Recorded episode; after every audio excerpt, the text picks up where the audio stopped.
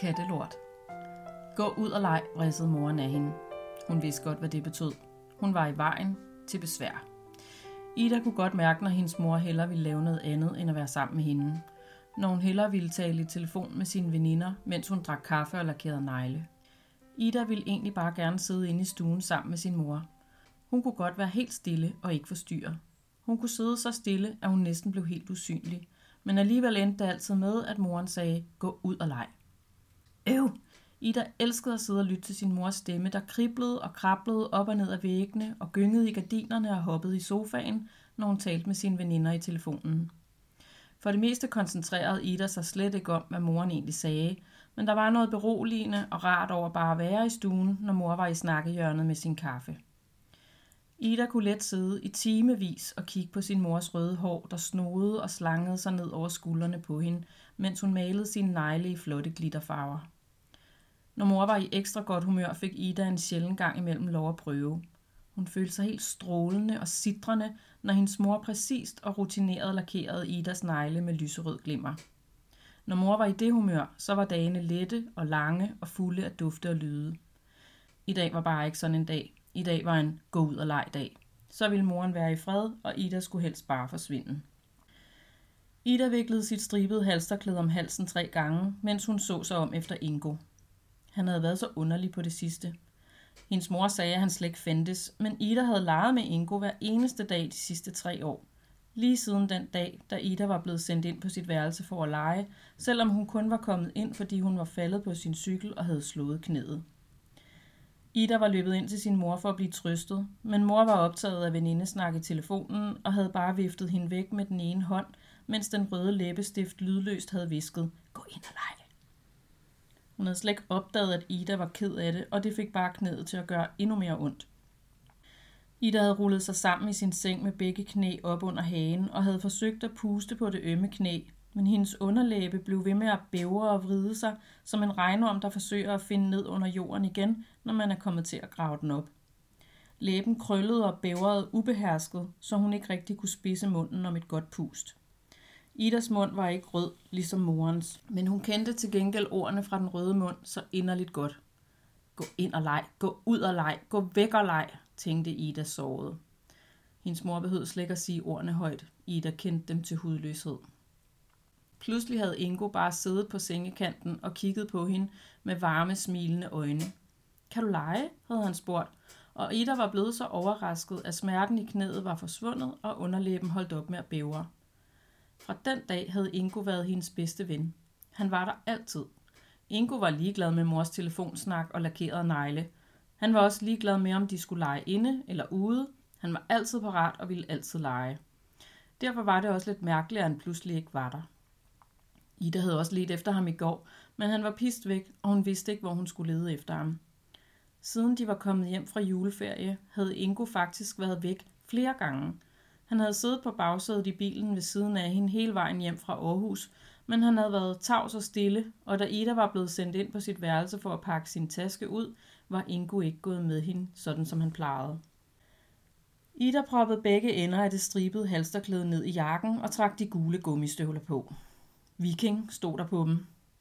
Hun havde arvet dem efter sin fætter Søren, som hun kun så en eller to gange om året, fordi han boede i Aarhus sammen med moster Bitten og onkel Bjarne. Søren var to år ældre end Ida, og de plejede at have det super sjovt sammen, når familierne besøgte hinanden. Søren var virkelig god til at finde på sjove og farlige lege, og han fortalte vilde historier om ninjaer og aliener, som gjorde Ida bange, så det sidrede og boblede i maven. Når Søren fortalte om glupske og slimede væsener, der lå på lur bag legehuset og kunne komme frem og æde dem hvert øjeblik det skulle være, sugede det så hæftigt inde midt i Ida, at hun hverken kunne stå stille eller bevæge sig. Det var som om en elektrisk strøm virvlede rundt og rundt inde i hende, og hun følte sig fuldkommen lykkelig. Hun elskede at lege med Søren, og derfor var det også så mærkeligt, da Ida og hendes mor havde været på juleferie i Aarhus for et par uger siden. Søren havde bare siddet inde på sit værelse hele julen med næsen nede i sin mobiltelefon. Han ville slet ikke med ud og lege, og han gad heller ikke at lege indenfor. Ida havde foreslået alle de sjove lege, hun kunne komme i tanke om, og hun havde endda spurgt ham, om han ville spille Playstation, selvom hun faktisk meget hellere ville udenfor på legepladsen. Søren havde bare trukket næsten usynligt på skuldrene og mumlet noget, Ida ikke kunne forstå. Og så var han blevet siddende med telefonen, indtil Ida følte sig helt forkert og i vejen, ligesom hun gjorde, når hendes mor sendte hende ud at lege. Hver dag hele juleferien havde Ida forsøgt at komme ind til sin fætter, men hver dag havde han afvist hende og sad til sidst helt sammenkrøllet i sin seng med ryggen til døren og svarede slet ikke, når Ida prøvede at spørge ham, om han ville lege. Til sidst havde Søren kylet sin telefon hårdt ned i dynen og snæret af hende ud mellem tænderne, som en uhyggelig alien med hugtænder og slimede fangarme. Kan du lege? vrængede han. Hvor gammel er du egentlig, din dumme unge? Jeg leger sgu da ikke. Kan du ikke fatte det?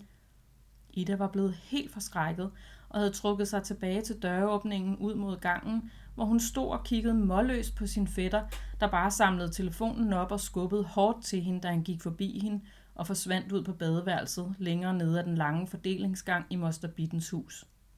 Ida mærkede en klump i halsen, der langsomt sev ned i maven og lagde sig som en stor, tung sten under hjertet. Ida plaskede lidt med de gule gummistøvler i en vandpyt. Normalt ville Sørens gule vikingestøvler have været det sejeste Ida kunne forestille sig. Nu vidste hun ikke rigtigt. Hun satte sig på kanten af sandkassen og skrabede lidt på trækanten med en grøn plastikskovl. Det knasede, som dengang hun havde tabt sit æble ned på stranden og forsøgte at spise videre, selvom det var blevet fyldt med sand. Hun fik gåsehud og flyttede sit skrabeprojekt ned i sandet i stedet for. Hun lænede sig ind over kanten og gravede et dybt hul i sandet, mens hun ærgede sig over, at det var for vådt til at lave sukkersand. Hun elskede at mærke det fine, tørre sand mellem sine fingre, men nu var det bare vådt og tungt. Ida svingede de gule gummistøvler ind over sandkassens kant og opdagede, at Ingo sad med ryggen til hende på den modsatte side af sandkassen. Skal vi lege? spurgte Ida forventningsfuldt, men Ingo trak bare på skuldrene og vendte sig ikke om. Men han var sur? Det havde Ida aldrig mærket før, så hun vidste slet ikke, hvad hun skulle stille op med Ingus kolde skulder. Det var en underlig fornemmelse, og den gjorde stenen under hjertet endnu tungere og gav underlæben irriterende regnorme fornemmelser. Ida hoppede helt op i sandkassen og mærkede, hvordan hendes bukser langsomt, men sikkert blev helt våde bag i. Hun satte sig på knæ, og snart var der også to store mørke cirkler midt på begge bukseben. Men Ida var ligeglad og gravede bare videre, mens hun tænkte på Søren, der ikke gad at lege, og Ingo, der pludselig havde vendt hende ryggen. Ida gravede og gravede i det tunge våde sand, mens hun bekæmpede regnormelæben med alle kræfter og prøvede at blive rigtig vred på Søren i stedet for – du er bare rigtig dum, Søren, viskede hun for sig selv.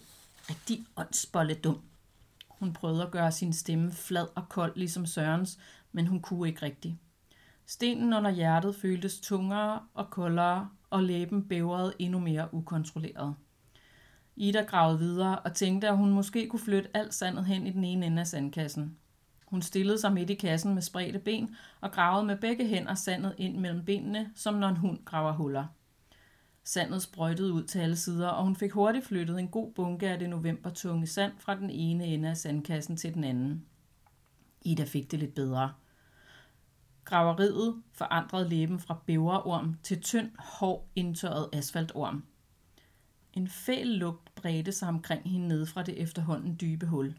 Først umærkeligt, men stigende i styrke, indtil en dunst af kattelort indhyldede hende fra top til tå og krøb ind gennem næsen, hvor den pressede hårdt på hendes strøbel og gav hende brækfornemmelser.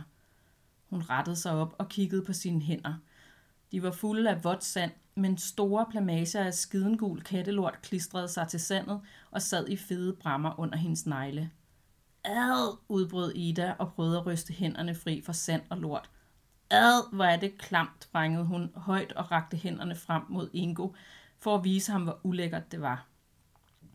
Han var der ikke, og Ida stod lidt forvirret midt i sandkassen med de stridende fingre rakt akavet frem foran kroppen. Hvad laver du? spurgte en spinkel lille stemme pludselig bag hende, og Ida snorede for skrækket rundt og fik øje på en pige på hendes egen alder med fregner og en rød tophue på hovedet. Der var lort i kassen, forsøgte Ida sig med hænderne rakt frem mod pigen. Føj, hvor ulækkert, svarede hun smilende. Jeg hader, når der er lort i kassen. Pigen smilede bredt til Ida og lavede en grimasse, der fik hendes fregnede ansigt til at krølle sig fint sammen omkring opstopper næsen. Ida kom til at grine, og pigen kvitterede med en smittende latter, der fik stenen under Idas hjerte til at revne. Kan du lege? spurgte pigen. Ida vendte sig om og kiggede efter Ingo, men han var der stadig ikke. Øhm, ja, svarede hun tøvende og trådte et skridt baglæns i sandkassen for at gøre plads til pigen. Pas på lorten, advarede Ida, mens pigen kravlede op i sandkassen. Jeg har en serviet i lommen, sagde pigen og fiskede en lille hård papirskugle op fra dybet i lommen på sin dynejakke, der havde samme gule farve som Idas gummistøvler. Min mor siger hele tiden, at jeg skal pusse næsen, snyftede pigen med et bredt grin. Men det gider jeg ikke. Jeg bruger bare ærmet. Ida grinede og lagde sig på knæ i sandet og rakte ud over kanten med begge hænder. Mens hun hang ud over kanten af sandkassen, dyppede hun hænderne i en vandpyt og vaskede kattelorten af, så godt hun kunne. Hun rettede sig op, tørrede hænderne i buksebagen og samlede skovlen op igen. Hvis vi gravede lorten væk, kunne vi måske bygge noget, prøvede Ida tøvende. Det er en god idé, jublede pigen og lagde sig ned på knæ, mens hun rakte ud efter skovlen i Idas hånd. Ida gav hende plastikskovlen og lagde sig på knæ på den anden side af hullet. Jeg hedder Laura, snøftede pigen, mens hun rettede sig op og tørrede næsen af i ærmet. I en stor, flot bue kastede hun elegant en skål fuld sand og kattelort ud af sandkassen. Jeg bor lige derovre, sagde hun og pegede med skovlen over mod en opgang i en boligblok magen til den Ida boede i. Ida mærkede stenen under hjertet knække midt over og forvandle sig til det fineste sukkersand, der rislede ned igennem kroppen og fik hende til at glemme alt om kattelort og mobiltelefoner, mens hendes mund for første gang i lang tid bredte sig over ansigtet i et stort, åbent smil, helt uden skyggen af regnorm.